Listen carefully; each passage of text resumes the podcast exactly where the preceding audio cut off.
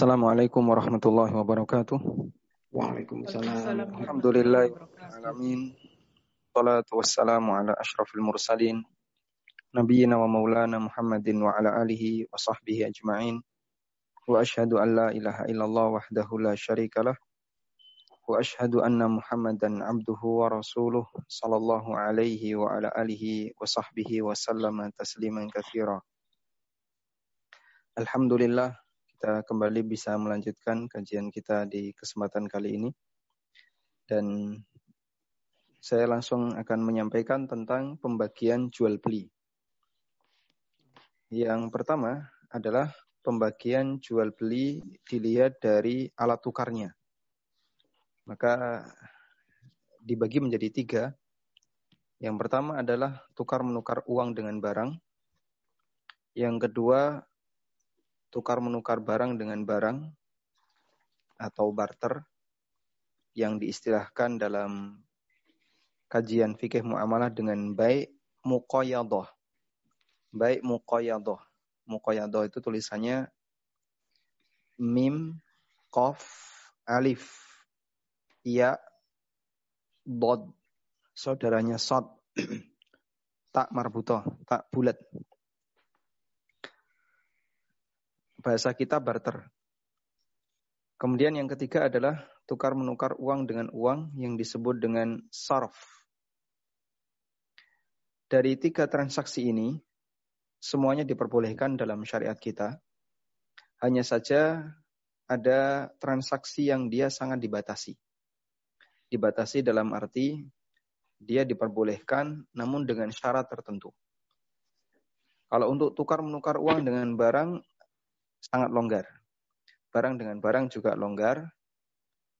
Tapi untuk yang ketiga yaitu tukar menukar uang dengan uang, maka dia e, lebih sempit cakupannya atau lebih sempit e, metodenya dibandingkan transaksi sebelumnya. Karena dalam transaksi sorf di sana dipersyaratkan dua hal. Yang pertama harus dilakukan secara tunai dan yang kedua yang pertama dilakukan secara tunai, yang kedua harus sama kuantitas jika mata uangnya sama. Sebagaimana yang kemarin kita sampaikan, Nabi Shallallahu Alaihi Wasallam menyebutkan dalam hadis yang diriwayatkan oleh Muslim dan An-Nasai, "Adz-dzahabu bidz-dzahabi wal fiddah bil fiddah sawa'un bisawa'in ainan bi'ainin faman zada aw faqad arba." Yang namanya emas ditukar dengan emas, perak ditukar dengan perak, maka harus sama kuantitas dan benda dengan benda. Artinya dilakukan secara tunai dari tangan ke tangan. Siapa yang minta tambahan atau memberi tambahan, maka dia telah melakukan transaksi riba. Sehingga dalam hadis ini Nabi Shallallahu Alaihi Wasallam memberikan aturan bahwa transaksi emas harus dilakukan secara tunai dan sama kuantitas dan semisal dengan hal ini adalah uang dengan uang. Kenapa seperti itu? Adanya batasan ketat ini menunjukkan bahwasanya transaksi ini lebih sulit untuk dilakukan. Kenapa transaksi uang kok lebih sulit dilakukan? Sebagian ulama mengatakan karena uang adalah mutlak tamania.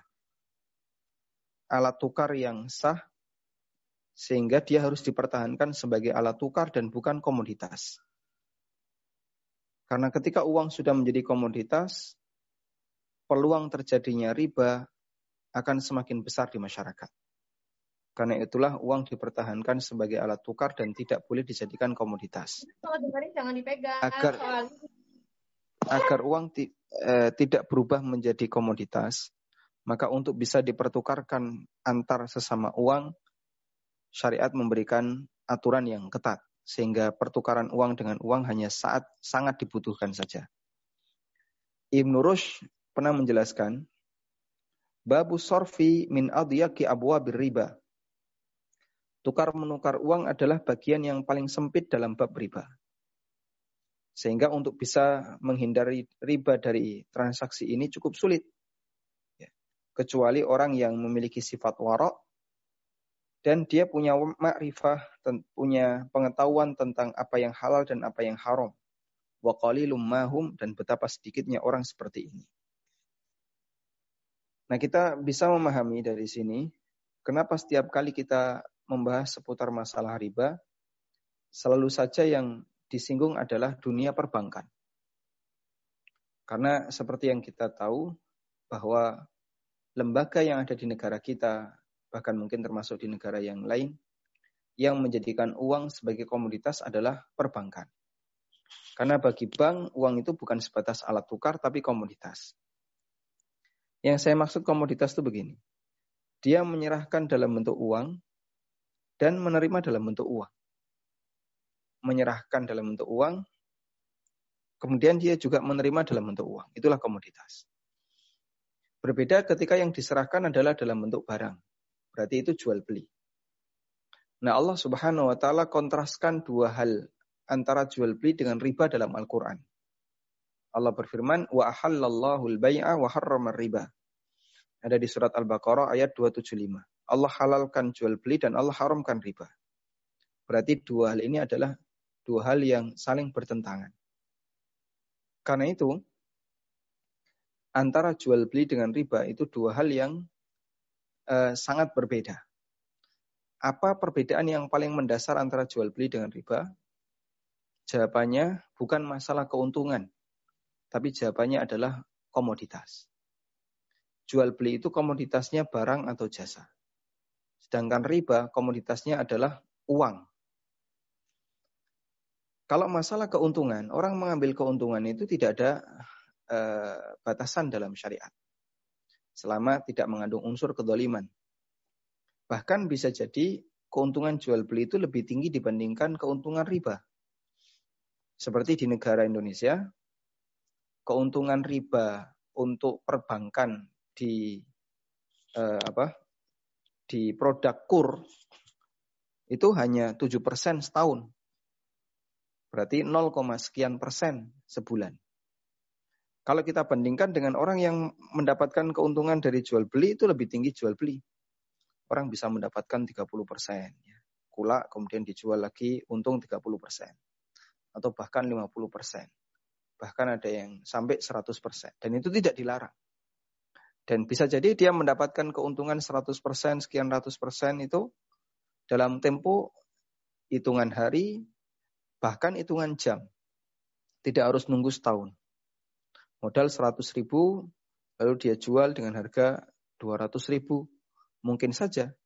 Dan itu hanya butuh hitungan jam. Nah, transaksi seperti ini diperbolehkan meskipun keuntungannya besar. Loh kenapa yang kecil dilarang, yang besar malah dibolehkan? Bukan masalah nilai untung ruginya, namun masalah komoditas apa yang diserahkan oleh lembaga yang atau komoditas apa yang diserahkan ketika transaksi. Jika orang transaksi itu menyerahkan uang, nanti kembali uang, lalu dapat tambahan uang, maka itu riba. Dan itu yang ada di dunia perbankan. Duit digesek dengan duit, nyiprat duit. Nah ini duit panas. Dan itu riba. Beda dengan jual beli. Kalau jual beli itu menjual barang atau jasa. Lalu dia mendapatkan uang. Baik dengan cara memproduksi sendiri atau kulaan. Yang jelas yang dia serahkan adalah barang. Itu perbedaan yang paling mendasar antara riba dengan jual beli. Karena itulah solusi yang diberikan oleh para asatidah ketika mereka ditanya tentang apa yang bisa dilakukan oleh perbankan syariah. Anda jangan hanya bisa mengkritik ini riba, ini riba. Coba kasih solusi. Para ustadz mereka menjawab, Allah sudah kasih solusi. Wa halallahu al-bai'a wa riba. Allah halalkan jual beli dan Allah haramkan riba. Sehingga kalau bank ingin berubah jadi syariah, meskipun tanpa harus e, mengubah namanya, saran yang kita sampaikan adalah lakukan bisnis atau jual beli real. Sehingga bank itu kulak barang lalu dia jual, kulak lagi dia jual. Kalau itu yang dilakukan, maka bank itu sudah berubah menjadi syariah. Karena itulah yang dihalalkan oleh Allah Ta'ala. Dan kita maunya menyebut bank syariah itu kan bank yang transaksinya halal. Karena biasanya kalau sudah nyebut bank itu biasanya muncul kesan yang nggak baik. Ada kesan transaksinya haram. Makanya dikasih label syariah untuk menghilangkan kesan buruk itu. Bagaimana caranya agar memang betul-betul syariah transaksinya halal? Jawabnya adalah lakukan transaksi atau jual beli real sehingga bank betul-betul kulak barang. Dari sinilah kita bisa menjawab pertanyaan kemarin. Eh, apakah jual beli kredit dengan harga kredit lebih mahal itu tidak termasuk riba? Sehingga kalau harga tunai 100, harga kredit jadi 200. Nah, bukankah di situ ada penambahan harga disebabkan karena uh, penambahan waktu? Jawabannya ini bukan riba, karena ini transaksi jual beli yang diserahkan barang. Sedangkan keuntungan itu terserah yang jual. Yang jual bebas untuk mendapatkan keuntungan. Selama di sana tidak uh, melakukan kedoliman. Dan kita tahu bahasanya jual beli kredit dengan harga yang lebih mahal itu tidak dolim. Kalau kredit dengan tunai harganya sama, pembelinya mau tapi penjualnya nggak ada yang mau. Kecuali kalau niatnya bantu. Namun ketika harga kredit itu lebih mahal dibandingkan harga tunai, pembeli terbantukan dengan dia tidak harus bayar tunai alias bisa nyicil, sementara penjual dia mendapatkan keuntungan karena ada kelebihan harga dari transaksi yang dia lakukan. Dan ini boleh bukan termasuk riba. Kenapa? Karena yang dia jual adalah barang, yang dia serahkan barang bukan uang. Makanya kalau ada kasus di Amsterdam orang tidak bisa beli rumah secara tunai kecuali orang yang sangat kaya. Mungkin pemain bola baru bisa seperti itu ya. Terus bagaimana cara kita untuk bisa memiliki rumah sementara kita tidak bisa e, melakukan transaksi secara tunai? Maka jawabannya Anda kalau bisa beli rumah secara kredit langsung dari pemiliknya, insya Allah itu akad yang syar'i. Nah, pemiliknya itu bisa developernya, bisa juga bank. Dengan ketentuan bank itu sudah beli rumah tersebut dari pemilik pertama, baik developer atau penjual rumah yang lainnya. Tayyip. Selanjutnya, kita akan e, melihat pembagian jual beli dilihat dari atau ditinjau dari waktu penyerahan. Dibagi menjadi empat. Yang pertama, sama-sama tunai. Uang tunai, barang tunai. Nah ini yang paling sering kita lakukan. Gak ada masalah dengan jual beli ini, hukumnya boleh. Yang kedua, uang tunai barang tertunda. Uang tunai, uang bayar dulu, barangnya nanti menyusul. Ini disebut dengan jual beli salam. Contohnya, misalnya ada orang mau melakukan just tip ya. Jasa titip. Si A yang ada di Indonesia titip kepada si B yang ada di London tolong saya dibelikan jaket seperti ini. Berapa harganya? Lalu Anda lihat di OLX atau Anda lihat di internet di apa Amazon ketemu nilai. Oh, nilainya misalnya 10 pound. Nah, kemudian dikonversi ke rupiah sekian. Baik, dia langsung menyerahkan dalam bentuk rupiah. Lalu Anda konversi uang rupiah itu ke pound, kemudian Anda bawa uang itu ke uh, London. Anda belikan barang itu. Nah, nanti ketika pulang Anda serahkan. Maka di sini uang tunai barang menyusul. Ini masuk kategori jual beli apa tadi? Salam. Kemudian yang ketiga, uang tertunda barang tunai. Barangnya dulu ada, uangnya menyusul. Ini berarti jual beli kredit atau baik bitaksit. Ini disebut dengan baik bitaksid, jual beli kredit. Satu, dua, tiga, hukumnya boleh dan bahkan pernah dipraktikkan di zaman Nabi Sallallahu Alaihi Wasallam.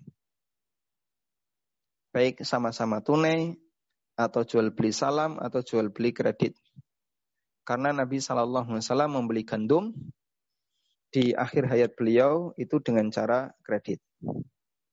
Buktinya apa?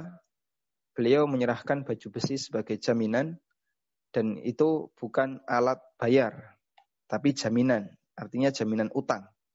Beli utang dari uh, orang Yahudi sekian uh, apa?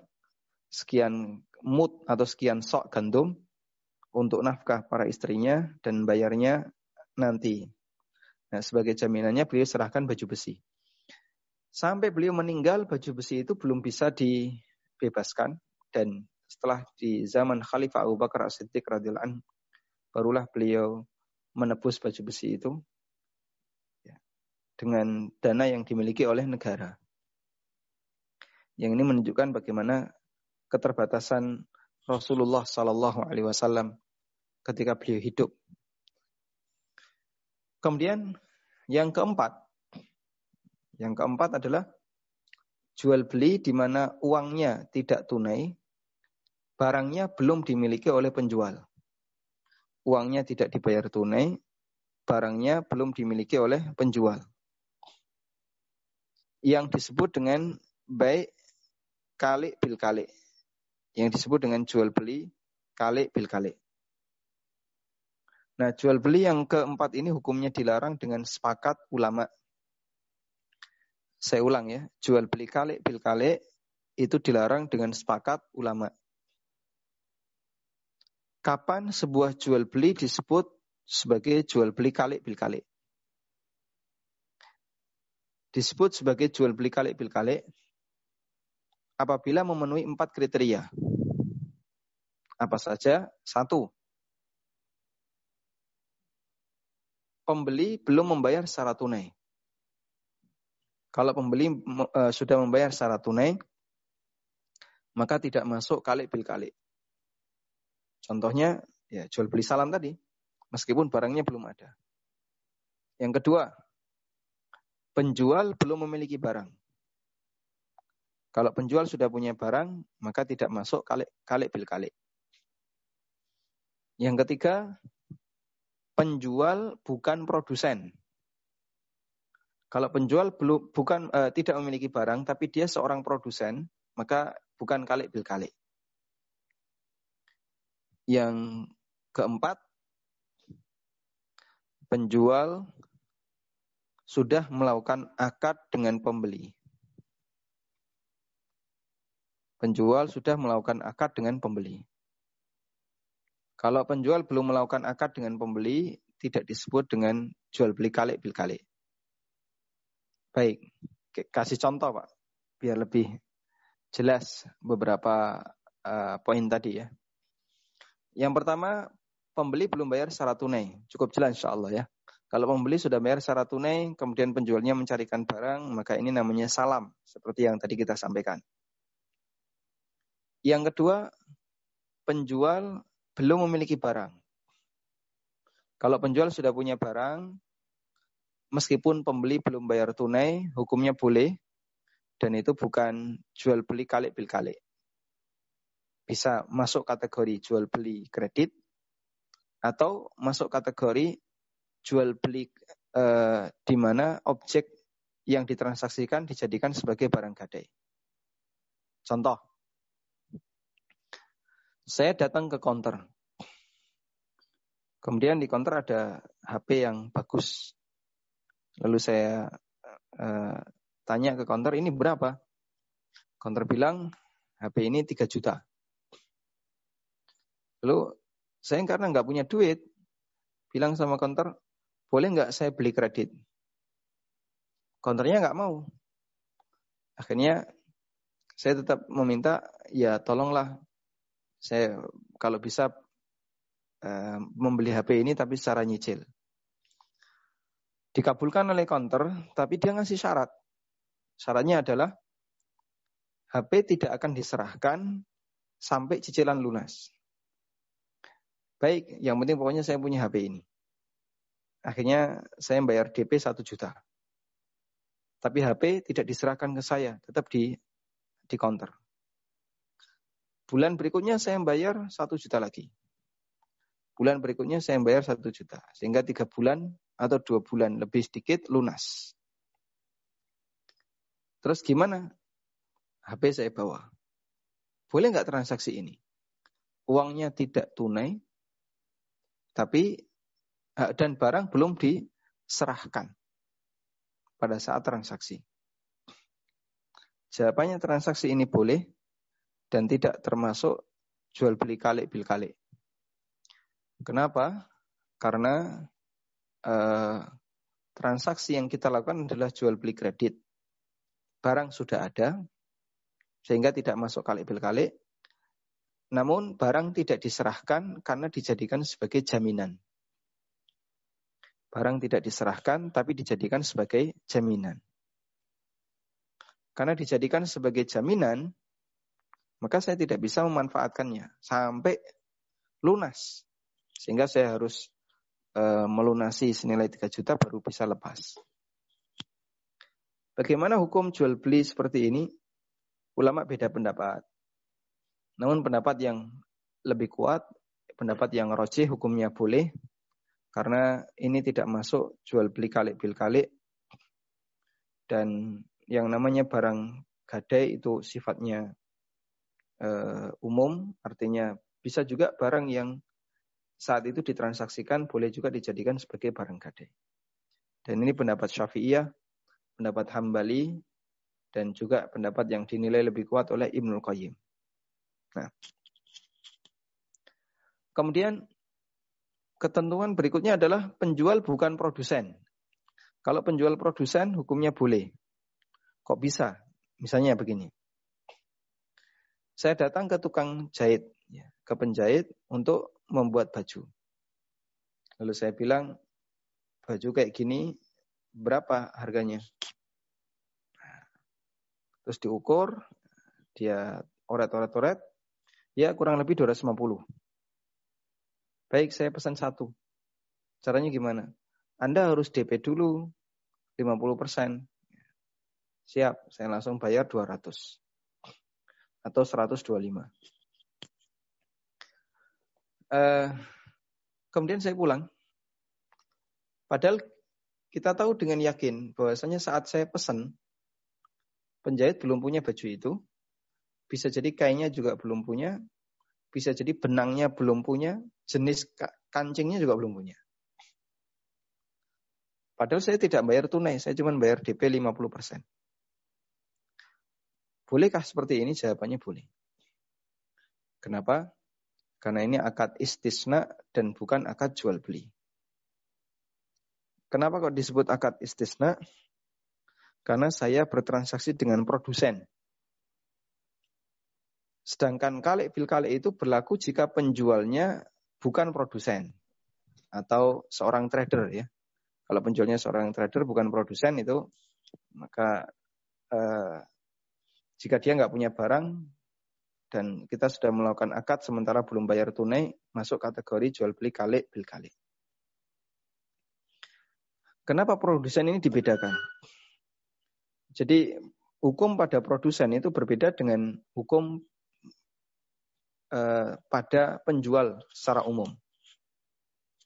Produsen punya aturan khusus yang itu tidak dimiliki oleh penjual secara umum.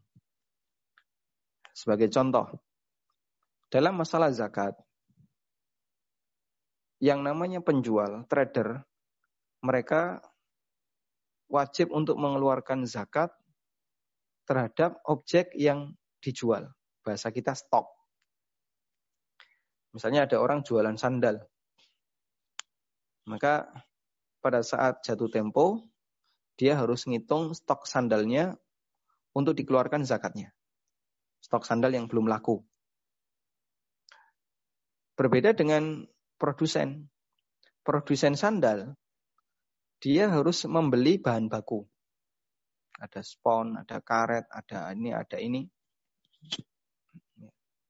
Ada lem, dan kemudian dia produksi nanti sampai jadi sandal. Mana yang dizakati?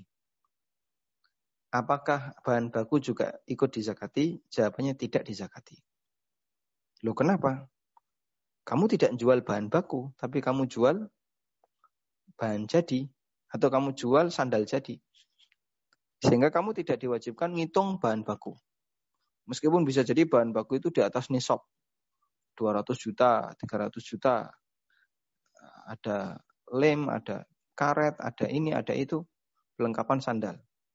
Tapi karena dia bahan baku dan itu bukan komoditas yang kita jual, maka kita tidak atau produsen tidak menghitungnya untuk dizakati. Bagian mana yang dizakati? Sandal yang sudah jadi yang siap jual. Karena eh, produsen ini punya aturan yang berbeda dengan trader. Baik. Sebagaimana pula dalam aturan tadi ya. Ketika pihak produsen sudah melakukan akad dengan konsumen, hukumnya boleh. Meskipun produsen belum memiliki barang dan konsumen tidak membayar secara tunai karena posisi produsen di sini berbeda dengan trader. Akadnya namanya akad istisna. Namanya akad istisna. Istisna tulisannya alif, sin, tak, sod, nun, alif, ain, istisna. Baik, kemudian kita lanjutkan. Pembagian jual beli eh, dilihat dari apa ini? Cara menentukan harga. Pembagian jual beli dilihat dari cara menentukan harga. Dibagi menjadi dua. Ada jual beli musawamah dan ada jual beli amanah. Apa itu jual beli musawamah? Yaitu transaksi jual beli di mana penjual tidak menyebutkan harga kulak. Namun langsung dia sebutkan harga jual. Dan ini sering kita lakukan. Anda datang ke toko, kemudian Anda sampaikan, ini harganya berapa? 10 ribu. Ya. Kulakmu berapa? Nah, gak sopan pertanyaan kayak gini ya. Apakah penjual harus cerita kulaknya berapa? Jawabannya tidak harus. Dan boleh saja dia rahasiakan. Bahkan kalau pembeli tanya seperti itu, ini termasuk pertanyaan yang nggak baik. Karena jual beli di sini jual beli musawamah dan itu yang paling sering kita lakukan. Akhirnya kita bayar 10 ribu. Nawar boleh, tapi kalau tahu harga kulak enggak boleh. Kemudian yang kedua, jual beli amanah. Yaitu transaksi jual beli di mana penjual menyebutkan harga modal, harga kulak. Contohnya, saya tawarkan HP. Ini HP, kemarin saya beli 3 juta. Kamu kalau mau gantikan saja tiga setengah. Nah ini berarti saya menyebutkan harga kulak kemudian saya jual. Nah ini namanya jual beli amanah. Disebut sebagai jual beli amanah karena penjual mendapatkan amanah untuk secara jujur menyebutkan harga kulak. Sehingga antara penjual dan pembeli sama-sama tahu berapa nilai keuntungan yang didapatkan oleh penjual. Praktek ini banyak dilakukan oleh eh, lembaga perbankan, Ketika dia melakukan murabahah, ya, jual beli murabahah termasuk jual beli amanah. Salah satu contoh jual beli amanah, maka bank akan menyampaikan, rumah ini kemarin saya beli seharga sekian, ya, misalnya seharga 500 juta, selanjutnya saya jual kembali kepada Anda sebagai nasabah seharga 600 juta rupiah dicicil selama lima tahun. Nah, berarti di situ ada jual beli amanah. Kenapa? Karena penjual menyebutkan uh, harga kulaknya, kemudian dia jual ke pembeli. Baik. Kemudian ada juga jual beli amanah, namun amanahnya kembali ke pembeli. Amanah jual beli amanah, namun amanahnya kembali ke pembeli. Karena jual beli amanah ada yang amanahnya kembali ke penjual dan ada yang amanahnya kembali ke pembeli. Di sini amanahnya kembali ke pembeli. Bentuknya bagaimana? Pembeli mendapatkan amanah untuk mengembalikan barang jika penjual bisa mengembalikan uang. Oh, kok aneh ini ya. Kasus real. Ada orang yang butuh HP. Nah, ada orang yang butuh duit, lalu dia jual HP kepada si A. HP itu normalnya 5 juta. Lalu dia jual kepada si A, wahai si A, saya butuh duit, ini saya jual ke kamu 2 juta saja. Harga normalnya 5 juta. Nah, si A seneng, wah ini HP murah. Ya sudah, tak beli ini 2 juta. Lalu orang ini mengatakan, tapi ada syaratnya. Lalu apa syaratnya? Kalau saya bisa mengembalikan 2 juta dalam waktu 3 bulan, tolong HP dikembalikan. Ya. Berarti di situ pembeli mendapatkan amanah untuk mengembalikan barang jika penjual bisa mengembalikan uang. Apa hukum transaksi seperti ini? Jawabannya transaksi ini disebut dengan bayul wafa, jual beli wafa dan jual beli wafa. Ulama beda pendapat, namun pendapat yang paling kuat adalah masuk dalam kategori utang bergadai. Masuk dalam kategori utang bergadai. Boleh nggak utang bergadai kayak gini, Pak? Boleh. Sehingga nanti harus memenuhi kriteria utang. Apa kriteria utang? Tidak boleh ada kelebihan. Dan barang yang uh, dijual tidak boleh dimanfaatkan oleh si A. Sehingga misalnya pembeli yaitu si A tadi memegang HP, dibayar 2 juta. Bolehkah si A memanfaatkan HP itu? Jawabannya tidak. Loh kenapa? Karena tidak boleh memanfaatkan barang gadai sebab ini termasuk riba. Memanfaatkan barang gadai termasuk riba. Saya kasih contoh yang lebih lebih enak untuk dipahami ya. Orang datang bawa motor, dia butuh duit 5 juta. Lalu dia bawa motor Vario yang harganya masih di atas 12. Kemudian dia datang ke Pak Haji, Pak Haji saya butuh duit 5 juta, ini saya punya motor Vario, saya jual ke Pak Haji 6 juta saja. Padahal harga normalnya misalnya 12 juta. Ya sudah, baik saya beli 6 juta, bayar sama Pak Haji. Lalu orang ini, si A ini ngasih syarat. Dengan syarat, kalau dalam waktu tiga bulan saya bisa mengembalikan 5 juta, tolong motor dikembalikan. Transaksi ini masuk dalam kategori riba, eh, masuk dalam kategori utang bergadai. Sehingga hukumnya boleh. Namun ketika itu sudah dilakukan, maka Pak Haji tidak boleh memanfaatkan motor tadi. Karena dia ibarat barang gadai. Dan jika butuh perawatan, maka nanti boleh dibebankan kepada pemilik barang. Baik, contoh kasus. Di buku ini juga saya sebutkan beberapa contoh kasus. Ketika ada satu pembahasan, nanti saya sebutkan kasus. Ada kurang lebih 19 kasus di buku ini. Apa hukum suku retail? Pemerintah membutuhkan dana dari rakyat satu triliun. Lalu pemerintah menjual bandara dengan cara menerbitkan seribu sukuk satu sukuk dijual seharga satu miliar. Perjanjiannya, pemerintah akan menebus kembali sukuk dengan harga yang sama setelah lima tahun, dan selama masa lima tahun, bandara disewa oleh pemerintah seharga 100 juta per bulan. Nilai 100 juta per bulan ini akan dibagikan kepada semua pemegang sukuk. Bolehkah transaksi ini? Bolehkah transaksi ini? Ada ori ya, atau sukuk, kemudian orang beli, nah, lalu nanti dia akan mendapatkan transferan tiap bulan, nah, terus tiap bulan dapat. Nah, ini boleh atau tidak? Kita jawab ya. Kasus seperti yang disampaikan itu termasuk contoh jual beli wafa.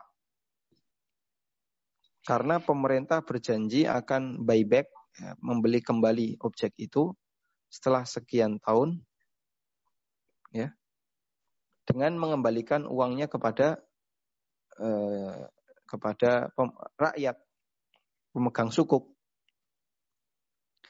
Nah itu berarti eh, pemerintah tidak menjual karena tidak terjadi perpindahan hak milik. Sehingga eh, perjanjian yang disampaikan oleh pemerintah untuk membeli kembali setelah lima tahun, ini bentuknya adalah bayar utang. Bentuknya bayar utang. Berarti bandara itu sebagai barang gadai, kemudian uang lima apa, uang berapa tadi satu triliun sebagai utang pemerintah dari rakyat dan bukti utang itu ditandai dengan adanya surat sukuk. Karena itu mana yang terlarang di situ? 100 juta per bulan yang dibagikan kepada pemegang sukuk itu termasuk riba. Loh kok bisa? Sederhananya seperti ini. Seorang petani utang ke saya 10 juta. Baik Pak, saya kasih 10 juta. Lalu dia gadekan sertifikat sawah. Otomatis sumber pendapatan petani ini berkurang karena sertifikat sawah yang satu digadekan ke saya.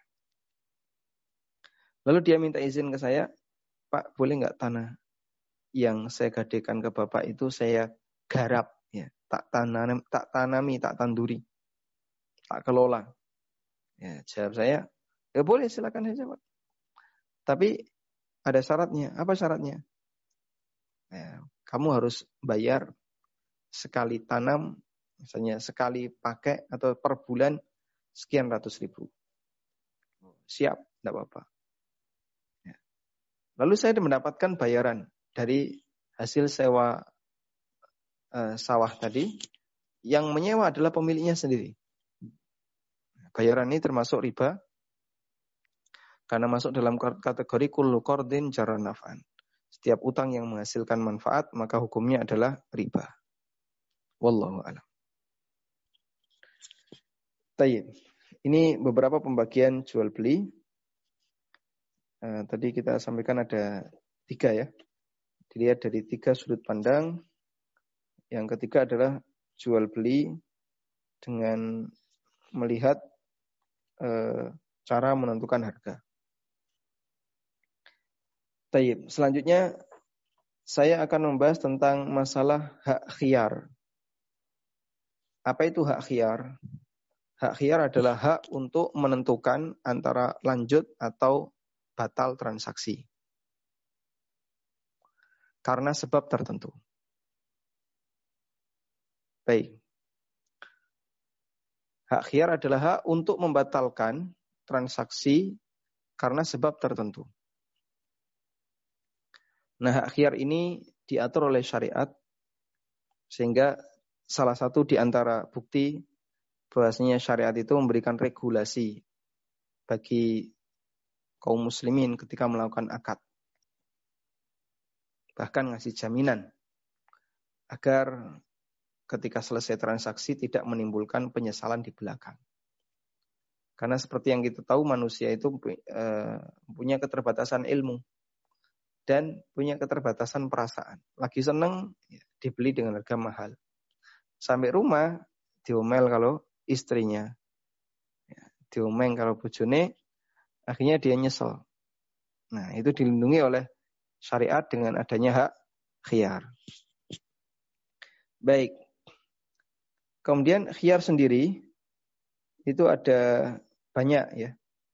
Namun yang paling terkenal adalah pertama khiyar majlis. Apa itu khiyar majlis? Khiyar majlis adalah hak khiyar selama penjual dan pembeli masih di majelis akad. Hak khiyar selama penjual dan pembeli berada di majelis akad. Nah, majelis akad itu apa? Ya, majelis akad itu pertemuan antara penjual dan pembeli. Sehingga kalau misalnya ada orang yang sedang transaksi, ya, si A sebagai penjual, si B sebagai pembeli, lalu B nawar berapa? 100 ribu. Kalau 75 gimana? Ya sudahlah, nggak apa 75. Begitu nawar 75 langsung dikasihkan. Terus B berubah pikiran. Pak, saya nggak jadi. Kira-kira si A marah nggak? Marah. Loh kenapa? Oh dia nawar 70 tak kasih nggak jadi. Ya. Padahal si B punya hak untuk itu. Kenapa? Mereka masih di majelis akad dan selama masih di majelis akad maka eh, konsumen punya hak untuk membatalkan akad. Sebagaimana penjual juga punya hak untuk membatalkan akad. Karena mereka masih dalam satu majelis meskipun sudah tawar-menawar sudah menyebutkan harga. Kemudian eh, khiar berikutnya adalah hak khiar syarat. Khiar syarat itu hak khiar karena disepakati. Misalnya, ada orang beli motor. Nah, kemudian ketika dia tawar-menawar, deal harganya 10 juta. Lalu orang ini minta izin kepada pemilik, gimana kalau saya pakai dulu? Ya, saya pakai dulu. Jika istri saya cocok, nanti saya beli. Kalau nggak cocok, ya saya kembalikan. Ya sudah, saya bawa saja dulu tiga hari. Kalau cocok beli, kalau enggak kembalikan aja. Nah, kesepakatan untuk menggantung transaksi selama tiga hari. Seperti ini disebut dengan hak khiar syarat. Dan ini hukumnya diperbolehkan dalam Islam. Kecuali kalau salah satu pihak nggak setuju, karena hak khiar syarat itu tergantung uh, pihak yang berkepentingan di situ. Kalau misalnya salah satu pihak nggak setuju, ya berarti tidak ada khiar syarat. Misalnya, ini boleh nggak motornya saya bawa dulu, saya tunjukkan ke bapak, nanti kalau setuju saya beli. Nah, kemudian oleh pemilik motor bilang, oh enggak, enggak, enggak, enggak mau saya. Pokoknya iya ya iya, kalau enggak ya enggak. Silahkan diputuskan mau beli atau tidak. Nah, itu enggak boleh uh, seperti ini diperbolehkan ya. Sehingga penjual berarti dalam hal ini menolak adanya khiar syarat. Nah, dan itu boleh karena khiar syarat itu pilihan kedua belah pihak. Mau ada mau tidak terserah. Yang berikutnya adalah khiar aib. Khiar aib adalah hak khiar karena cacat. Cacat terhadap objek. Dan ini berlaku untuk aib yang mengurangi nilai barang kalau aibnya terlalu ringan, tidak mengulangi, mengurangi nilai barang, maka tidak bisa dijadikan sebagai alasan hak khiar. Baik. Yang keempat, khiar goben. Goben artinya pembodohan. Khiar goben berarti hak khiar karena dibodohi. Contohnya, ya misalnya ada orang yang eh, melakukan transaksi tapi karena dia nggak ngerti terus dibodohi. Nah, sebagian ulama mengatakan termasuk di antara khiyar goben, khiyar karena dibodohi adalah ketika eh, terjadi sengketa masalah harga karena dipentung. Ya. Misalnya ada orang yang main ke Jogja, Lalu beli wedang ronde di alun-alun dua mangkok tanpa tanya harganya. Selesai dimakan, tanya pinten pak berapa? Jawab uh, apa? Penjual wedang ronde seratus ribu. Dua mangkok seratus ribu. Per mangkok lima puluh. Nah ini kepentung. Nah, di saat ada peristiwa seperti ini, maka Anda berhak untuk mendapatkan khiar gopen. Bentuknya adalah kasih uang dengan harga normal, terus tinggal pergi. Kalau barangnya dikembalikan kan tidak mungkin karena sudah habis. Maka yang bisa dilakukan adalah kasih uang dengan harga normal, kemudian tinggal pergi. Misalnya ronde normalnya berapa per mangkok? 5.000 atau 6.000? Sementara dia minta uh, dua mangkok seratus ribu, berarti lima puluh ribu. Maka cukup bayar sepuluh ribu atau dua belas ribu, tinggal pergi. Baik, itu yang disebut dengan khiar goben. Kadang ada orang yang dia nggak ngerti nilai barang, lalu dijual dengan harga murah. Begitu tahu nilainya, nyesel dia. Nah, maka dia punya hak khiar goben selama pembeli adalah orang yang misalnya mau menipu penjual disebabkan karena tidak tahu kondisi dan pasaran. Baik. Kemudian yang berikutnya adalah khiyar ru'yah. Apa itu khiyar ru'yah? Ru'yah, ya, sebagaimana ru'yah hilal. Ro, hamzah, ya, tak marbutoh, tak bulat. Yaitu hak khiyar karena belum melihat barang. Dan belum mendapatkan deskripsi. Lalu dia minta digantung sampai barang uh, tiba di rumahnya. Khiyar seperti ini boleh. Dan bahasa kita yang banyak seperti ini adalah seperti COD ya. Dildiliannya di internet atau dildiliannya lewat chat, tapi kemudian ketemu barangnya dengan cara COD. Nah, di situ ada dua kemungkinan. Kalau cocok jadi beli, kalau nggak cocok dikembalikan. Itu namanya khiar uh, ain, khiar atau khiar ru'yah, khiar di mana uh, orang mendapatkan hak untuk melanjutkan atau membatalkan transaksi ketika dia uh, apa sudah melihat barang karena sebelumnya dia belum pernah lihat barang. Wallahu alam. Nah, tentang pengembalian barang itu ada dua ya, ada yang beralasan dan ada yang tidak beralasan. Membatalkan akad atau mengembalikan barang itu ada dua. Ada yang beralasan dan ada yang tidak beralasan. Yang beralasan disebut hak khiar, baik karena satu majelis atau karena ada perjanjian, kesepakatan. Yang eh, tidak beralasan, mengembalikan tanpa alasan, itu disebut dengan ikolah. Contohnya, ada orang yang beli barang. Sampai rumah dia menyesal. Wah, Kenapa saya beli ini? Akhirnya kembali ke toko, Pak, saya mau kembalikan. Loh kenapa? Saya nggak cocok, Pak, nyesel. Pihak toko itu berhak untuk mengatakan, mohon maaf, saya tidak bisa menerima. Berhak untuk itu.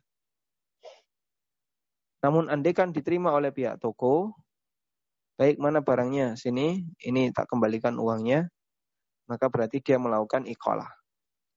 Dan ikolah ini termasuk amal soleh. Bahkan Nabi Shallallahu Alaihi Wasallam mengatakan, "Man akala musliman, akalahullahu atratahu." Barang siapa yang uh, melakukan ikolah terhadap muslim, maka Allah Ta'ala akan mengampuni dosanya. Ya, sehingga satu hal yang sangat sederhana ya, dengan ikolah dosa menjadi gugur. Padahal duit tidak bisa menghapus dosa. Tapi dengan cara ikolah bisa. Ya Allah saya bersalah berdosa terimalah 200 ribu ini. Allah nggak butuh duitmu. Tapi dengan 200 ribu bisa jadi bisa menghapus dosa. Yaitu dengan cara ikola. Ada orang beli ke kita seharga 200 ribu. Dibawa pulang nggak jadi dikembalikan. Terus kita terima. Maka ini berarti kita menerima ikola. Wallahu alam. Baik, mungkin itu yang bisa kita sampaikan. Semoga menjadi pengantar kajian yang bermanfaat. Jazakumullah khairan. Wassalamualaikum warahmatullahi Muhammadin wa ala alihi wa sahbihi Ustaz, Masya Allah. Ini kajiannya sangat menyenangkan ini. Jadi kita pertanyaan malah tambah banyak ini di kepala ini Ustaz. Uh, kira-kira Ustaz terima ada ada waktu untuk uh, apa namanya uh, sesi tanya jawabnya Ustaz? Baik. Sebentar dulu Pak, ditunggu sebentar. Ya.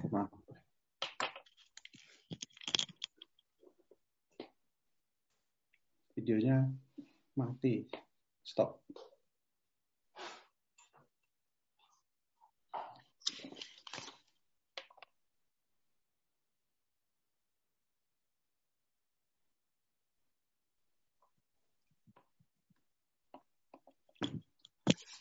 Bisa kita balik. Uh, kamera, ah ya. Oke. Bismillahirrahmanirrahim. Um, ini ada pertanyaan, sebetulnya pertanyaan ini kemarin tapi begitu sesinya sudah ditutup, baru pertanyaan muncul. Uh, ini pertanyaannya dari uh, peserta yang tinggal di daerah sini ya, daerah Inggris atau di Eropa. Bagaimana hukum uh, asuransi, Ustaz? Karena ada beberapa karena ada beberapa hal yang diwajibkan oleh pemerintah untuk diasuransikan, misalnya mobil gitu. Kalau kita mau punya mobil harus ada asuransi itu bagaimana, Ustaz?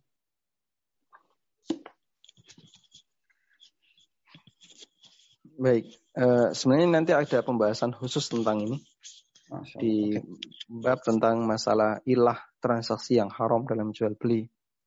Karena hmm. kita punya sesi tambahan ya, insya Allah tanggal 11. Ya. ya. Namun okay. secara umum, kalau memang itu tidak bisa dihindari, seperti di Indonesia juga ada beberapa yang harus diasuransikan kayak uh, jual beli tiket atau layanan transportasi umum ya. Sehingga pada saat kita membeli tiket, booking tiket, pasti sudah include di situ bayar asuransi. Insya Allah nanti kita akan bahas lebih detail. Baik, Alhamdulillah. Uh, ada pertanyaan ini dari Ita, silahkan di uh, unmute langsung. Ya. Assalamualaikum Ustaz. Ada dua pertanyaan. Uh, yang pertama mengenai uh, transaksi uh, jual beli melalui Instagram. Sekarang lagi marak karena banyak individu-individu dengan modal Instagram, foto, uh, dan belum tentu punya barang, kemudian menjual, dan uh, si pembeli biasanya uh, bayar dulu di muka gitu, Ustaz. Itu pertanyaan pertama. Uh, mau dijawab dulu apa uh, lanjut ke pertanyaan kedua, Ustaz? Lanjut, silakan. Yang kedua mengenai suku retail, Ustaz, menarik sekali. uh, penjelasan Ustadz sangat gamblang. Itu berarti uh, adalah penyewaan uh, oleh si pemilik barang. Sehingga uh, hasil sewanya itu uh, masuk kategori riba. Tetapi uh, apa dasarnya oleh Dewan Syariah di Indonesia yang menjual suku retail itu dijadikan sebagai syariah? Sementara uh, masyarakat umum di Indonesia kan memang awam ya, jadi hanya mereka ngikutin fatwa Dewan Syariah. Kalau Dewan Syariah sudah bilang suku retail ini comply syariah, ya udah kita bisa beli suku retail. Karena banyak sekali seperti suku retail terakhir yang kemarin yang ditawarkan oleh juga oleh Bank Syariah Mandiri, banyak sekali umat Islam yang beli gitu Ustaz. Mohon pencerahannya Ustaz. Jazakallah khair. Waalaikumsalam warahmatullahi wabarakatuh. khairan. Untuk yang pertama menjual barang dengan gambar sebelum memiliki. Uh, yang sering kita sebut dengan dropship ya. Hmm. Pakai skema dropship atau skemanya apa?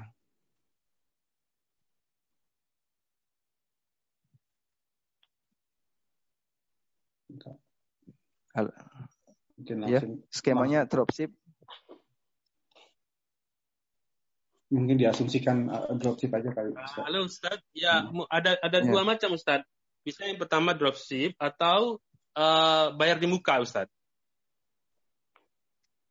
Maksudnya bayar di muka? Ya, artinya uh, si pembeli setelah memilih itu dia bayar dulu transfer dulu uangnya, baru nanti uh, barangnya dikirim. Iya, tapi intinya penjual belum memiliki barang ya? Uh, alam Ustaz. Kemudian. Eh, tapi banyak juga kasus yang dia belum memiliki barang, dia cari dulu barangnya gitu, Ustaz. Baik, kalau skemanya seperti tadi, pembeli transfer dulu, kemudian penjual nyarikan barang dari supplier, setelah ketemu terus supplier diminta untuk ngirim barang ke konsumen, ini masuk praktek dropshipping yang ada di Indonesia, dan ini mirip seperti akad salam. Ini mirip seperti akad salam karena uangnya tunai di depan, sementara barang menyusul. Bolehkah akad seperti ini? Di Indonesia, para ustadz beda pendapat. Dan perbedaan pendapat ini sebenarnya kembali kepada masalah apa hukum jual beli salam tunai atau salam hal. Menurut jumhur ulama hukumnya haram, nggak boleh, termasuk jual beli yang tidak dimiliki. Namun menurut Syafi'iyah hukumnya boleh. Jumhur melarang, Syafi'iyah membolehkan. Nah, di Indonesia ada dua pendapat dalam masalah ini. Ada yang mengikuti madhab syafi'iyah dan itu pendapatnya Ustadz Arifin Badri. Dan ada yang mengikuti madhab jumhur dan itu pendapatnya Ustadz Dr. Erwandi. Erwandi Termisi. Sehingga ada dua ada dua kaul, ada dua pendapat dalam masalah ini. Nah, kita kalau e, menjelaskan ini ke masyarakat, saya selalu mengatakan anda kalau punya kecenderungan terhadap pendapat yang menurut Anda lebih kuat, silakan ambil. Tapi kalau tidak bisa untuk menentukan mana yang lebih kuat, saya sarankan insya Allah pendapat jumhur bisa jadi lebih mendekati kebenaran. Karena ada hadis dari Hakim bin Hizam, di mana Hakim itu menjual barang yang belum dimiliki. Ada orang datang ke Hakim, mau membeli sesuatu, lalu dia bayar tunai. Padahal barang itu belum dimiliki hakim. Kemudian hakim datang ke supplier, setelah dapat barang, barang itu diantarkan ke uh, pembeli tadi. Lalu ditanyakan kepada Nabi Shallallahu Alaihi praktek kayak gini gimana? Kata beliau, la tabi malaysa indak. Jangan kamu jual barang yang tidak kamu miliki. Wallahu a'lam. Uh, kemudian yang kedua, masalah suku krital tadi ya. Apa landasan DSN untuk membolehkan sukuk retail dan dianggap sebagai sukuk syariah. Saya sendiri itu tidak tahu ya eh, tentang latar belakang eh, sebuah fatwa boleh dan tidak boleh ketika saya melihat ini kebanyakan hanya klaim. Jadi seperti ini. Ketika dialog antara apa direk, salah satu manajer atau direk, direktur perbankan syariah. Ada nasabah eh, tanya ke saya, praktek kayak gini boleh atau tidak? Terus saya sampaikan tidak boleh. Loh, tapi kata direktur bank syariah ini, ini sudah direstui oleh DPS, Dewan Pengawas Syariah. Kok bisa? Coba saya telepon. Akhirnya ditelepon ke direktur. Terus kita sampaikan Pak ini kayak gini tidak boleh. Nah, alasan Pak Direktur ini sudah diizinkan dapat legalitas dari DPS kami. Nah, terus saya tanya, DPS-nya siapa? Boleh saya minta nomornya? Dia nggak bisa, pokoknya itu sudah diilegal. Jadi dia menyembunyikan. DPS-nya siapa? Kita kan maunya diskusi dengan baik. Tapi kenapa harus dirahasiakan? Ya kalau tidak terbuka seperti ini ya berarti uh, memang tidak ada etikat baik untuk betul-betul hijrah ke syariah. Sehingga kadang mereka cuma mengklaim sudah ada fatwanya, ada fatwanya. Akhirnya saya tanya langsung, fatwanya yang mana? Banyak di antara mereka yang kesulitan untuk menunjukkan. Dan termasuk juga eh, apa penelitian yang pernah disampaikan oleh Al Ustadz Dr. Erwandi ya. Jadi beliau pernah membuktikan betulkah praktek bank syariah itu sudah sesuai dengan fatwa DSN MUI. Nah, kemudian ditunjukkan fatwanya kayak gini, prakteknya kayak gini. Coba kita bandingkan. Kira-kira ini sesuai atau tidak. Dan terbukti itu baru pada satu produk. Ya. Baru pada satu produk terbukti itu tidak sesuai. Makanya kadang ketika ada pernyataan ini sudah difatwakan oleh DSN dan seterusnya, saya kadang ragu ya, curiga dulu, betul nggak kayak gitu. Makanya kadang saya minta mana fatwanya, coba kita pelajari baik-baik. Baik, saya kurang tahu yang ditanyakan kenapa latar belakangnya jadi boleh. Padahal ini sudah difatwakan oleh Majma' Fikih Islami tentang suku kritel itu dilarang. Yang dulu pernah dipraktekkan di Bahrain. Wallahu alam. Nah, alhamdulillah. Uh, semoga menjawab pertanyaan. Sebelum kita masuk ke pertanyaan berikutnya, uh, saya ingatkan lagi dengan dengan hormat, mohon pertanyaannya satu saja karena uh, memberi kesempatan yang lain untuk bertanya, insya Allah. Berikutnya ada yang ingin bertanya langsung, Ustaz, Mas Ardian. Ardian, silahkan.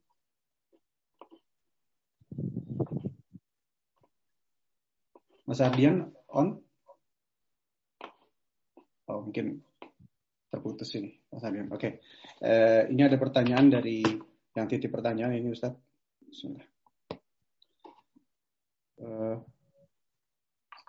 apakah menurut Ustaz akad-akad mudarobah dan musyarakah yang dilakukan bank syariah di Indonesia sudah sesuai syariat? Oke, itu pertanyaannya Ustaz.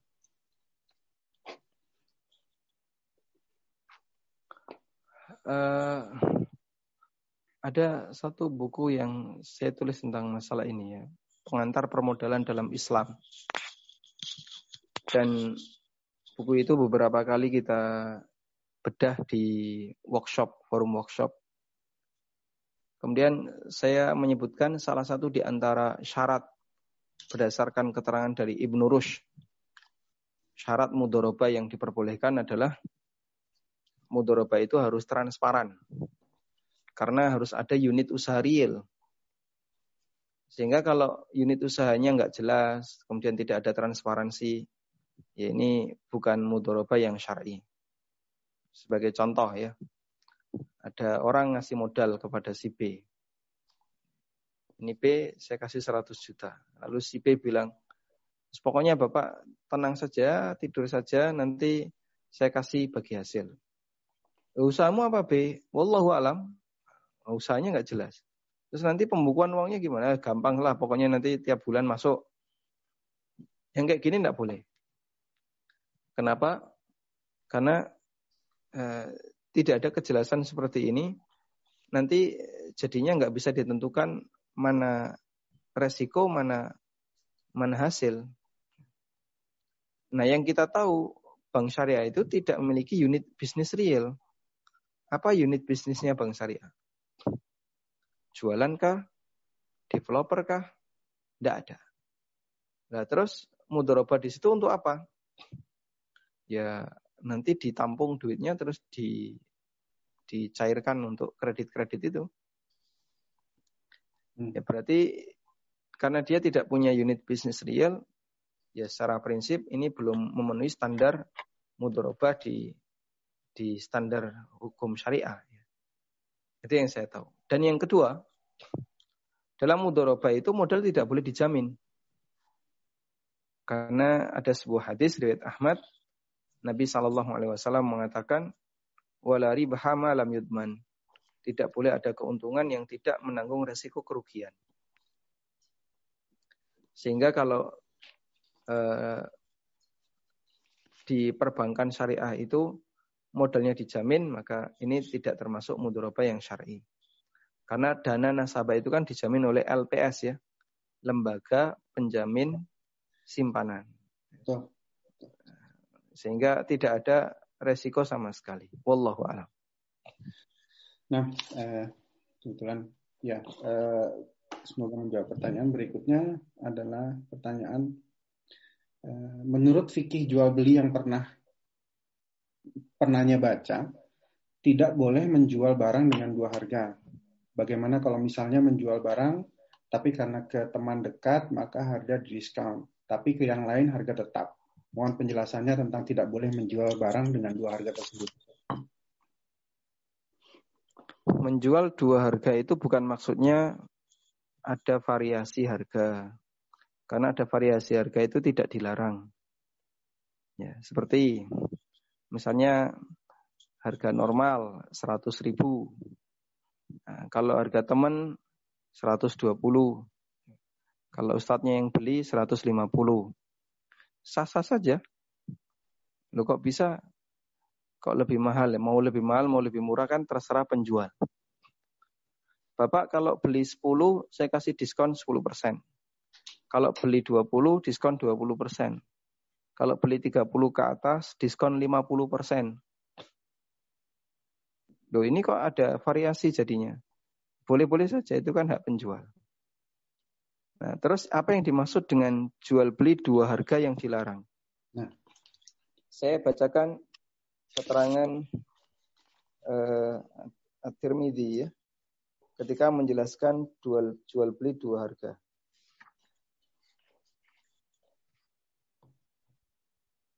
Uh, At-Tirmidzi menyebutkan tentang makna jual beli dua harga. Ada di buku ini ada. Nah, Di buku yang kemarin kita sebutkan ya, pengantar fikih jual beli di halaman 67. Kata Tirmidzi, ada sebuah hadis dari Abu Hurairah radhiyallahu anhu, "Naha Rasulullah sallallahu alaihi wasallam an bai'ataini fi bai'atin." Rasulullah sallallahu alaihi wasallam melarang dua jual beli dalam satu jual beli. Nah, ini yang dimaksud jual beli dua harga. Dua jual beli dalam satu jual beli. Lalu hadis ini diriwayatkan oleh At-Tirmidzi, An-Nasa'i, Ahmad dan yang lainnya. Kata Tirmidzi, "Wa qad fassara ba'du ahli ilmi Qalu bai'ataini fi bai'atin. Sebagian ulama menafsirkan bahwa dua transaksi dalam satu transaksi bentuknya adalah Abi uka hadha athauba binaktin bi ashrah wa binasiatin bi ishrin. Wala yufarikuhu ala ahadil bai'ain. Bentuknya adalah penjual menawarkan, baju ini saya jual ke Anda, kalau tunai 10 dirham, kalau kredit 20 dirham. Sementara ketika mereka berpisah, belum menentukan harga mana yang dipilih. Mereka berpisah belum menentukan harga mana yang dipilih. Fa'idha farokahu ala ahadihima fala ba'sa. Jika mereka berpisah dan telah menentukan salah satu harga yang ditawarkan, fala ba'sa maka hukumnya boleh. Idza kanatil uqdatu ala wahidi minhuma ya, jika disepakati pada salah satu harga. Jadi ada variasi harga, hukumnya boleh. Namun pada saat deal wajib milih salah satu. Tapi kalau saat deal dia belum milih salah satu, ini kalau kredit sekian puluh ribu, kalau tunai sekian. Barang di bawah, harga mana yang mau dipilih? Ah gampang belakangan aja. Nah itu tidak boleh, itulah jual beli dua harga. Tapi kalau sudah milih salah satu, hukumnya boleh. Ini sebagaimana keterangan Tirmidzi tadi. Baik. Sehingga dengan kata lain bahwa variasi harga itu boleh jika bentuknya baru penawaran. Selama bentuknya hanyalah penawaran. Misalnya eh, tunai 10 ribu, kredit 20 ribu, kredit lebih panjang 30 ribu, dipajang. Jadi satu tabel. Gitu. Nah, boleh nggak ini? Ini kan variasi. Boleh, karena sifatnya baru penawaran. Allah alam. Cukup jelas, uh, insya Allah. Uh, pertanyaan berikutnya, sebentar. Ini bagaimana, Bismillah, Ustadz, bagaimana hukumnya jual buku online sistem pre-order? Sementara bukunya masih proses cetak dan pembeli membayar lunas di awal setelah selesai cetak buku langsung dikirim ke pembeli. Jadi ini mungkin pada posisi beliau bukan produsen, bisa perantara.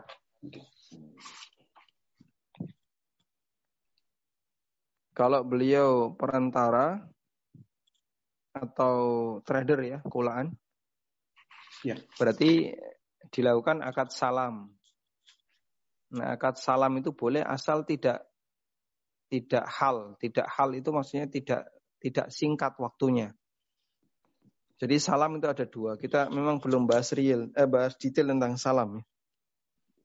Salam itu ada dua.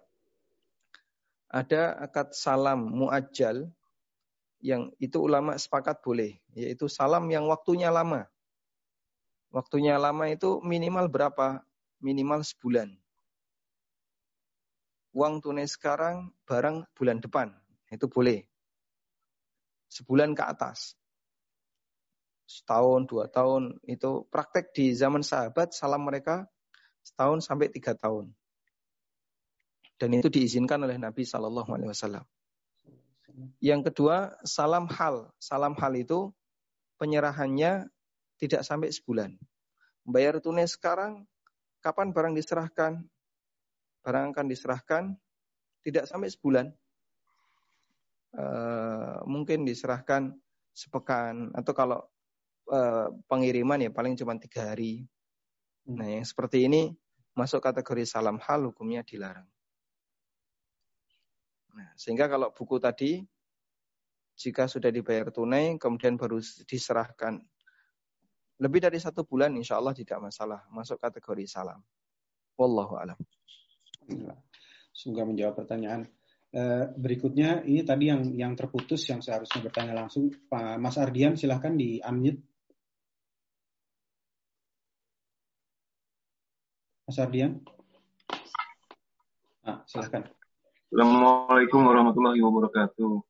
Waalaikumsalam. Waalaikumsalam warahmatullahi wabarakatuh. Iya, iya Ustadz. Nama saya Ardian dari Surabaya. Uh, yang saya mau tanyakan mungkin nggak langsung terkait dengan ini materi, cuman saya mau tanyakan gini. Uh, bagaimana hukum dari transaksi derivatif, Ustadz? Hmm? Transaksi derivatif. Transaksi apa? Derivatif. De derivatif. Oh, derivatif. Iya, jadi dari ya, derivatif. Jadi misalnya ada uh, transaksi uh, hutang begitu, Ustaz, dalam mata uang asing gitu kan. Terus kemudian transaksi itu istilahnya di seperti diamankan gitu dengan bertransaksi lagi dengan transaksi uh, apa uh, futures atau swap gitu swap apakah transaksi itu boleh atau enggak gitu. Eh, contoh realnya gimana Pak? Hedging, hedging, uh, Ustadz. Mungkin istilahnya hedging kalau di dunia ini. Transaksi hedging.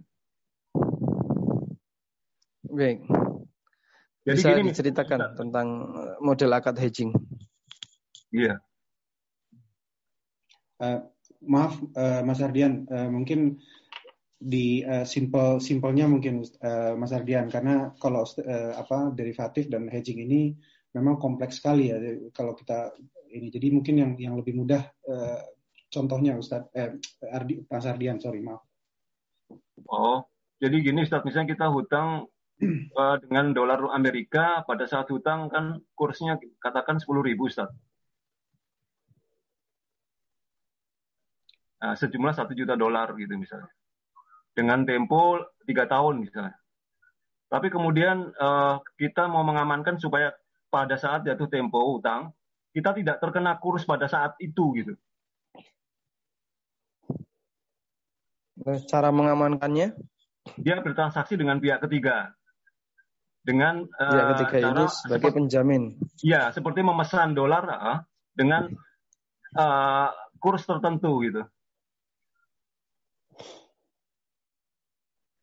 Iya. Uh, dengan pihak ketiga ini transaksinya gimana? Jadi dia minta di deliver sejumlah dolar sesuai dengan hutang dia pada saat berhutang itu dengan kurs yang sudah ditetapkan sebelumnya dengan membayar nilai premi tertentu. Baik, saya punya utang saya punya utang dolar satu juta. Iya. Dengan tahun ini ya. ribu. Un, un, pada saat untuk berhutang. sebuah proyek untuk sebuah proyek tol, ya, pembangunan betul. tol dengan kurs sepuluh ribu. Mm -hmm. Dan Pada akan saya lunasi tiga tahun kemudian. ke depan. Ya. Nah, nah kemudian saya menggait pihak ketiga. Kurs. Oh, ya. Betul nih. Misalnya saya khawatir oh nanti tiga tahun ke depan harganya bisa lebih dari sepuluh ribu. Hmm. Misalnya 15 ribu. Saya menggait pihak ketiga. Nah, apa yang hmm. harus saya lakukan ke pihak ketiga? Uh, kita memesan dolar, Ustadz ada saat untuk di deliver tiga tahun dolar kemudian. dari ya, ya. beli dolar dari pihak ketiga untuk dikirim tiga tahun berikutnya. Ya, di, diserahkan, ya diserah terimakan. Ya. Untuk diserah. Nah, terus uh, pihak ketiga kita kasih apa? Semacam premi. Uang. Iya, kesepakatan aja. Kesepakatan. Mm -mm, sejumlah sekian, tetapi kita nah, akan mendapatkan. Kenapa? Berarti rupiahnya menyusul nanti. Iya, Cuma nilai kursnya sudah uh, ditetapkan kan... bahwa akan mendeliver biaya ketika akan mendeliver dolar mungkin di kesepakatannya misalnya 11 ribu nilainya per dolar gitu. Sehingga ketika tiga tahun kemudian yeah. dideliver dolar itu katakan mencapai 15 ribu maka tidak akan terkena risiko itu gitu dari pihak yang berhutang tadi. Yeah. Dia akan tetap mendapatkan dolar sejumlah satu juta, satu dolar, satu juta dolar. Preminya berapa? Kenapa? Satu ribu tadi. Preminya berapa? Preminya ke kesepakatan, mungkin senilai 0,1 persen atau berapa dari uh, itu apa nilai uang yang mau di deliver. Iya. Baik, eh, yang saya pahami satu dari kasus ini berarti ada jual beli rupiah dengan dolar yang tidak tunai ya? Iya. Iya. Transaksinya sekarang, tapi nanti uangnya diserahkan belakangan tiga tahun berikutnya, sama-sama terutang. Iya. Padahal transaksi uang dengan uang kan harus tunai. Kalau akad dengan pihak kedua, insya Allah tidak masalah, sebatas utang biasa. Saya utang satu juta dolar, dari pihak A dan akan saya bayar tiga tahun berikutnya satu juta dolar. Insya Allah tidak ada masalah. Hmm. Nah yang masalah adalah akad dengan pihak ketiga ini.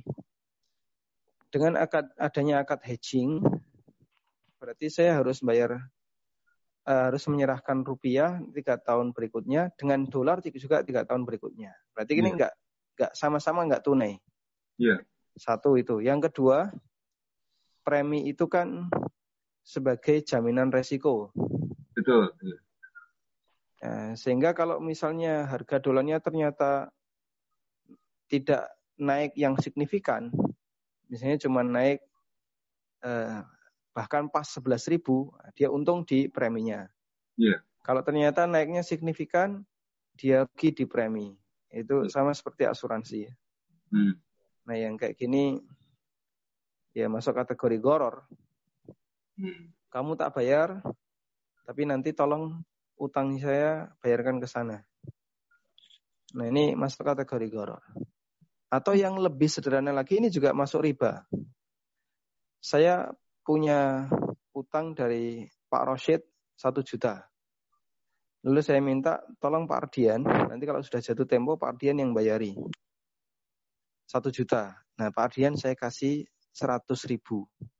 Seratus ribu itu apa? riba. Hmm. Berarti kan saya utang ke Pak Dian satu juta. Tapi nanti saya lebihkan seratus ribu. Itu kan riba. Utang saya dari Pak Rosid ditalangi Pak Ardian. Berarti saya utangnya jadinya ke Pak Ardian. Lalu saya ngasih bayaran lebih seratus ribu. Berarti Pak Ardian dapat manfaat dari transaksi utang piutang ini. Dan itu masuk kategori riba. Wallahu a'lam. Oke. Ya.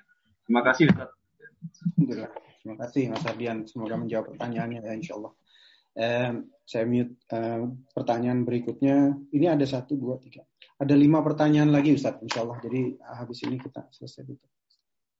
Oke, Bismillahirrahmanirrahim. Eh, kalau kita punya barang yang yang tidak kita pakai, misalkan emas, jam tangan, berlian, tapi kita nggak untung, nggak rugi karena kita sudah pakai ada rugi sedikit tapi nggak apa-apa daripada nggak dipakai. Hukumnya dosa nggak Ustaz? Nggak dosa insya Allah. Karena memiliki harta simpanan boleh. Boleh. Alhamdulillah. Oke, jadi cukup menjawab. Selama ditunaikan kewajibannya yaitu zakat. Zakatnya. Alhamdulillah. Oke. Jadi menjawab ya, pertanyaan. Yang jam tangan nggak ada zakatnya, yang ada zakatnya emasnya. Emasnya. Berlian juga nggak ada, Ustaz. Berlian nggak ada.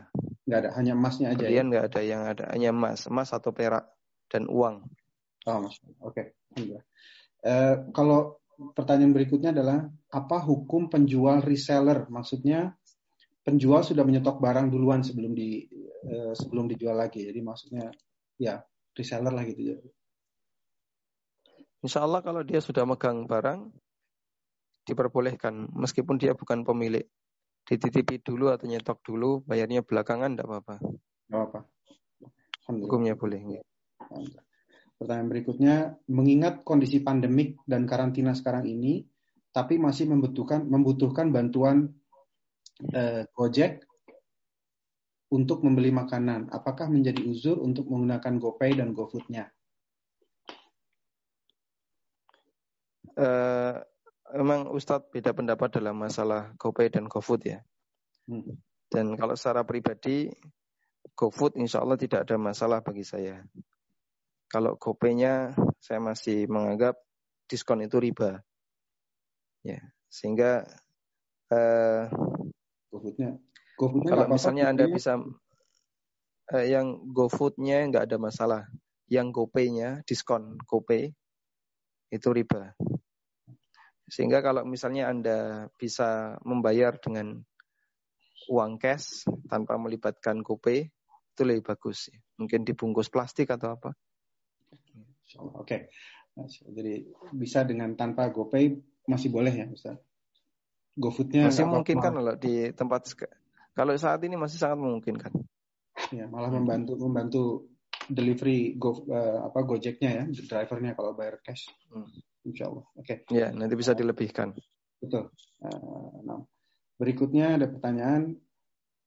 Ini pertanyaan kelihatannya pertanyaan lanjutan dari yang pertama tadi. Uh, Kalau ternyata praktek bank syariah di Indonesia masih belum sesuai syariat, bagaimana sebaiknya kita sebagai muslim di Indonesia apakah dibolehkan bertransaksi di bank syariah daripada di bank konvensional? Karena jatuhnya mirip-mirip jadinya. Saya ketika menilai bank itu tidak menilai secara global, tapi kita nilai dari sisi produk ya. Jadi untuk produk bank syariah tidak semuanya bermasalah. Ada sebagian produk yang mubah seperti wadiah bank syariah itu insya Allah tidak masalah. Sehingga uh, bolehkah kita bertransaksi dengan bank syariah? Ya selama itu transaksi yang mubah seperti wadiah, kemudian uh, untuk payment gateway, lalu Anda bayar melalui transfer antar bank dan bank minta biaya sekian, insya Allah tidak masalah. Karena ini akad yang diperbolehkan. Tapi kalau di situ ada transaksi ribanya ya dihindari. Secara umum begini, kalau kita di posisi sebagai kreditor yang menyerahkan uang ke bank, insya Allah aman. Tapi kalau kita di posisi sebagai debitor yang mengambil uang dari bank, utang atau pendanaan atau yang lainnya. Nah itu yang uh, banyak masalahnya di sana. Wallahu a'lam. Uh, semoga menjawab pertanyaan ini. Uh, penanya berikutnya, misalkan jual rumah, jual satu rumah uh, yang saya akan beli tapi kredit. Jika cash 300 ini kelihatan. Jika jika cash 300 tapi jika dikredit 10 tahun menjadi 500 juta. Ini disampaikan di awal ketika marketing menawarkan cicilan ini ke developer dan dan flat sampai lunas cicilannya, maksudnya tidak tidak berfluktuasi mungkin. Apakah sistem ini boleh? Tadi kelihatannya udah dibahas. Jika langsung ke developer, bukan melalui pihak ketiga atau bank, insya Allah tidak masalah. Yang kami permasalahkan tadi adalah ketika cicilan itu kita arahkan ke bank. Sehingga berarti kita dapat utang dulu dari bank, kemudian baru kita cicil ke bank. Dan tentu saja ada kelebihan. Tapi kalau langsung ke developer, insya Allah tidak masalah.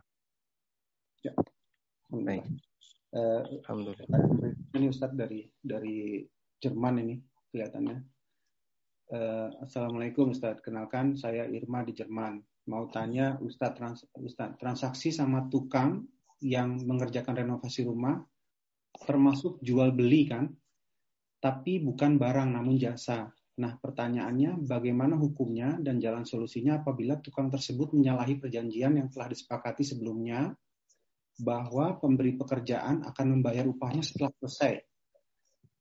Namun, belum selesai pekerjaan tahap akhir, tukang meminta upahnya sebelum pekerjaan selesai. Dan juga menyangkal beberapa kausal seperti pinjaman yang akan dipotong upah dari perjanjian karena sudah lama, dan sayangnya tidak ada hitam di atas putih perjanjiannya, hanya lisan. Itu bagaimana? Ya, kalau uh, dia menyalahi seperti itu ya Anda berhak untuk me, apa, menahan sebagian upahnya agar diselesaikan dulu baru kemudian dibayarkan. Intinya seperti ini kembali kepada kesepakatan kedua belah pihak. Kalau dari sisi akadnya kan berarti menjual barang yang ada cacat. Hmm. Yang seharusnya kalau normal harganya 100 ribu, karena ada cacat harganya jadi 90. Tapi penjual tetap minta 100. Kalau Anda ridho, ya sudah tidak apa-apa lah, tak bayar 100.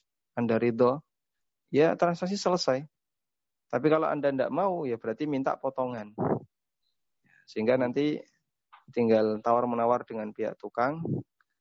Eh, saya untuk gaji hari terakhir atau bulan terakhir belum bisa saya bayarkan, mengingat proses belum selesai atau renovasi belum selesai. Kalau kayak gitu silahkan. Nah, hmm. Selanjutnya untuk masalah utang piutang itu masalah apakah Anda percaya sama orangnya atau tidak. Nah, ini perlu dibedakan antara akad jasanya dengan utang piutangnya. Hmm. Wallahu a'lam. Alhamdulillah. Oke, okay. uh, eh, semoga menjawab pertanyaan dari penanya. Berikutnya ini saya langsung aja pertanyaan. Uh, bagaimana hukum transaksi misal seperti pada ojol dengan OVO dan menggunakan ini mungkin e-tol pembayaran jalan tol gitu. Ya, OVO dan pembayaran jalan tol gitu. Uh, Jadi menggunakan e-money baik e-tol, OVO maupun yang lainnya pada asalnya boleh karena deposit di situ kan uang kita. Hmm. Cuman yang dipermasalahkan itu ketika ada diskon. Ya, sehingga kalau transaksinya nggak ada diskon, nggak masalah. Hmm. Seperti e-tol itu nggak ada diskon ya untuk parkir untuk tol itu nggak ada diskon. Tapi kalau OVO untuk produk OVO, nah itu biasanya dapat diskon. Oh, nah, hmm. ya ngerti saya sekarang. Jadi diskonnya yang tidak diperbolehkan, tapi uh, medium kalau transaksinya boleh silahkan karena itu kan uh, saldo kita ya uang kita yang tersimpan di sana lalu kita pakai untuk bayar. Nah, Alhamdulillah ini jelas uh, clear. Uh, pertanyaan terakhir ini melanjut pertanyaan mengenai bank syariah. Kita sebagai kreditor akan dapat bagi hasil dari uang yang kita simpan di bank syariah. Uang bagi hasil itu hukumnya bagaimana Ustaz? Anda berarti memilih mudorobah. Saya sarankan sebaiknya dialihkan ke wadiah. Wadiah. Sehingga nanti ya nanti tidak ada penambahan maupun pengurangan. Silahkan minta ke pihak bank eh, rekeningnya dialihkan ke wadiah. Bukan ke mudorobah. Nah, wallahu alam. Eh, maaf Ustaz, saya lupa, saya ke ini saya yang hilaf ini ada satu lagi pertanyaan boleh Ustaz? Terakhir. Oh, silakan. Oke. Assalamualaikum. Saya mau bertanya, ada salah satu orang pengepul dalam kurung pengepul yang melakukan jual beli sawit ke pabrik sawit. Lalu pengepul itu mengajak temannya untuk join modal dalam membeli sawit dari petani sawitnya. Dengan perjanjian bagi hasil dari hasil penjualan, pembagian hasilnya tidak menentu dalam tiap bulannya, tergantung hasil dari jual beli sawitnya. Bolehkah kita melakukan perjanjian seperti ini, Ustaz? Jadi dalam mudoroba hasil itu kan mengikuti hasil yang real. Ya. Sehingga karena hasil real itu enggak pasti, terjadi fluktuasi, maka insya Allah seperti yang ditanyakan tadi, kadang ada kadang tidak, kadang besar, kadang kecil, tidak pasti, tidak flat. Ini insya Allah termasuk ciri mudoroba yang syar'i. Hmm. Insya Allah diperbolehkan. Sehingga intinya ketika ada hasil dibagi, kalau nggak ada yang nggak ada dibagi, dan ketika rugi ditanggung bersama. Kalau seperti itu yang dilakukan, maka betul-betul ini adalah akad uh, mudoroba yang syar'i. Allahu a'lam. Alhamdulillah. Uh, itu pertanyaan terakhir kelihatannya Ustaz. Jadi uh, selesai usaha apa um, sesi uh, pertanyaan ini. Baik, semoga apa yang kita pelajari bermanfaat. Wassalamualaikum warahmatullahi wabarakatuh. wa ala alihi wa sahbihi wasallam. Wa akhiru da'wana alhamdulillahi rabbil alamin. Wassalamualaikum warahmatullahi wabarakatuh. Waalaikumsalam warahmatullahi wabarakatuh. Alhamdulillah, terima kasih Ustaz. Jazakallah khair. Um, tanggal 11 untuk teman-teman tanggal 11 April insya Allah kita bertemu lagi dengan Ustaz Amin Pait untuk uh, kita membicarakan, apa, membicarakan hal uh, berikutnya dari fikih muamalah ini. Uh, untuk hari ini demikian uh, kita selesai kita tutup saja. Wabillahi taufik wal hidayah. Wassalamualaikum warahmatullahi wabarakatuh. Waalaikumsalam. Waalaikumsalam warahmatullahi wabarakatuh.